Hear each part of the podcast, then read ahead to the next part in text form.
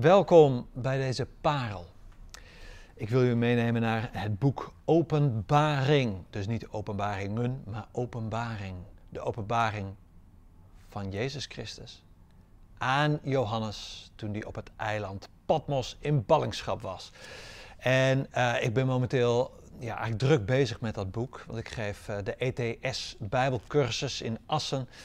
En uh, ik mag drie avonden lang met de groep door dat Bijbelboek heen. En dat is uh, toch wel heerlijk, omdat het is natuurlijk een Bijbelboek, openbaring, wat voor veel mensen, um, ja, precies in tegenstelling tot wat het woord openbaring eigenlijk wil zeggen, uh, afgesloten is. In die zin dat, dat, dat het een, een brei lijkt van duistere, onbegrijpelijke symbolen en ruiters op paarden die dood en onheil en oorlog komen brengen en sprinkhanen, schorpioenen, de plagen van Egypte en donder en bliksem en sterren die van de hemel vallen en een beest en een cijfer en een getal en een oorlog en nou ja, noem maar op, zit er allemaal in. Het is een boek dat echt uh, ja, onder een dikke laag symbolen en symbooltaal en, en, en profetische beelden uh, ligt ja, toch op de een of andere manier verborgen, omdat het een, een taal is, de taal van openbaring, die wij niet zo goed spreken. En hoe heerlijk is het om dat boek open te doen en er orde in te ontdekken en overzicht. En wat ik vandaag met jullie wil doen is even een aantal versen uit Openbaring 5 lezen. Openbaring 5 is eigenlijk het hart van het boek Openbaring.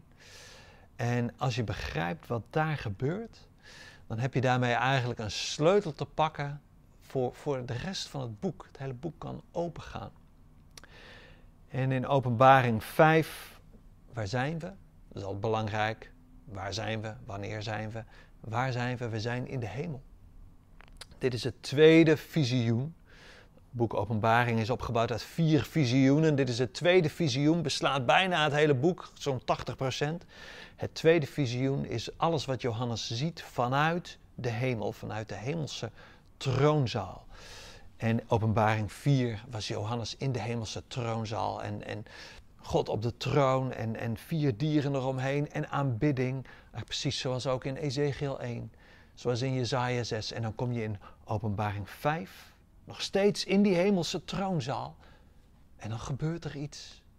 Dan verandert er iets. Dan, dan vindt er iets dramatisch plaats, wat, wat de rest van het boek eigenlijk open maakt. Ik ga lezen, Openbaring 5. Toen zag ik in de rechterhand van hem die op de troon zetelt, God, een boekrol van binnen en van buiten beschreven en verzegeld met zeven zegels.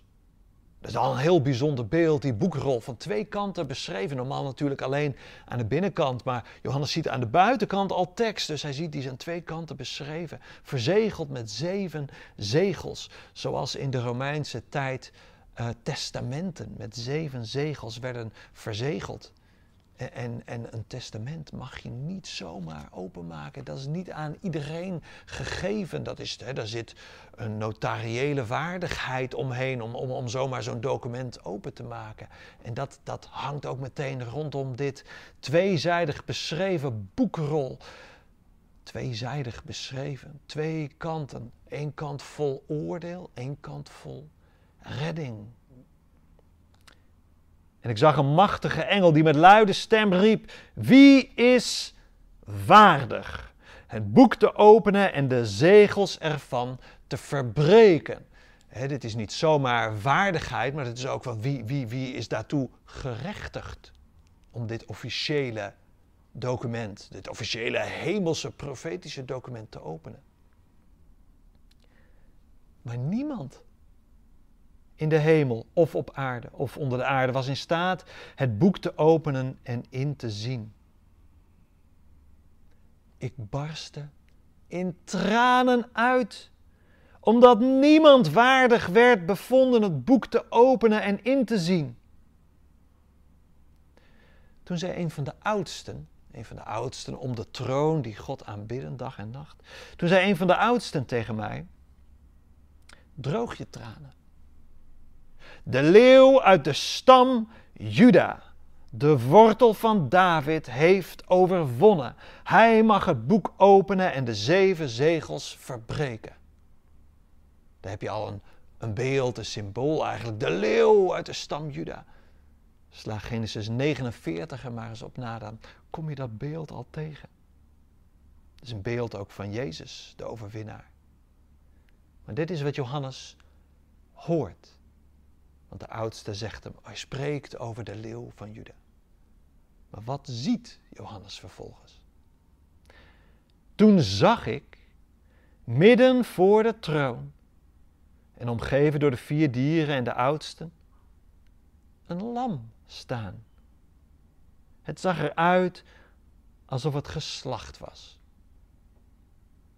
Het had zeven horens en zeven ogen. Dit zijn de zeven geesten van God, uitgezonden over heel de aarde. Dan heb je het al allemaal uh, taal over zeven hoorns, zeven geesten. Laten we maar accepteren, dat hoort bij openbaring.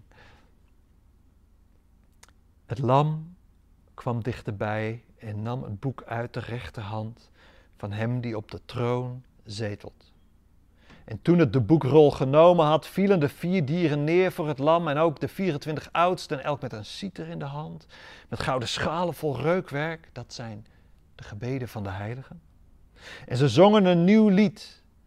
Waardig bent u het boek te nemen en zijn zegels te verbreken, want u bent geslacht en u hebt hen gekocht voor God met uw bloed uit alle stammen en talen en volken en naties. U hebt hen voor onze God gemaakt tot een koninklijk geslacht van priesters en zij zullen heersen op aarde. En hier komt ons lied vandaan. Waardig is het lam wat we in vele melodieën zingen, ook bij ons in de, in, in de dienst. Het is het lied dat in het visioen van de troonzaal wordt gezongen voor het lam als geslacht Jezus.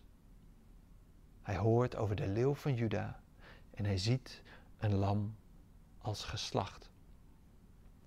En dit is de sleutel eigenlijk voor het boek Openbaring. En, en er is eigenlijk zoveel meer tijd voor nodig om nog verder uit te leggen waar gaat het over. Maar waarom is dit de sleutel?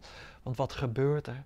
Eén voor één worden die zegels gebroken. Zegel 1, een ruiter. Zegel 2, nog een ruiter. Zegel 3, een ruiter. En, en, en zo komen de gebeurtenissen los. De gebeurtenissen van de dingen die moeten gebeuren. En na het zesde zegel is er een soort intermezzo. En dan het zevende zegel. Wat is het zevende zegel? De eerste bazuin. Nou komen zeven bazuinen. Bij de zesde bazuin een intermezzo. Bij de zevende bazuin de zeven schalen. En bij de en, enzovoort. Er, er zit een, een logica in dat boek Openbaring. Maar de logica, het is de dingen die moeten gebeuren, stap voor stap. En het boek Openbaring is een troostboek. Een troostboek voor ja, een wereld die lijdt. En vooral in de context van Johannes, waarin hij schreef, waarin hij profeteerde. Een wereld die lijdt onder vervolging. Een kerk die lijdt onder vervolging. Christenen werden wreed, verdrukt en vervolgd. En ze werden getroost met dit boek. Want het overkomt jullie niet zomaar. Het is niet in het wilde weg dat de ellende over de aarde wordt uitgestort. En dat God er maar naar kijkt en, en ja, wat, hoe zit dit nou? Nee, we kijken vanuit het hemelse perspectief. En nog steeds zijn daar elementen die groots en bijna onbegrijpelijk zijn. En, en symbooltaal waar je naar moet gissen of hoe zit dit? En dat is het punt niet. We kijken mee vanuit de hemel waar God de controle heeft, de rust bewaart. En waar het lam aanbeden wordt. En waar iedereen weet, dit is wat moet gebeuren. En dat geeft een zekere mate van rust. En plus ook nog dit, wat leren wij over Jezus hier? Hij is gelijk aan God, want hij wordt aanbeden in de hemelse troonzaal, net als God zelf. Maar ook hij is als geslacht. Zoals het bloed van die martelaren van de kerk vloeit, omdat de kerk vervolgd wordt. Ja, ze worden daarmee voortdurend in het boek Openbaring naast Christus geplaatst. Ook als geslacht, ook een betrouwbare getuige. En het derde is, Jezus is waardig. Hij heeft de geschiedenis in zijn hand. En wij kunnen dat misschien niet van A tot Z begrijpen, maar we kunnen daar wel rust in vinden. Waardig is het lam.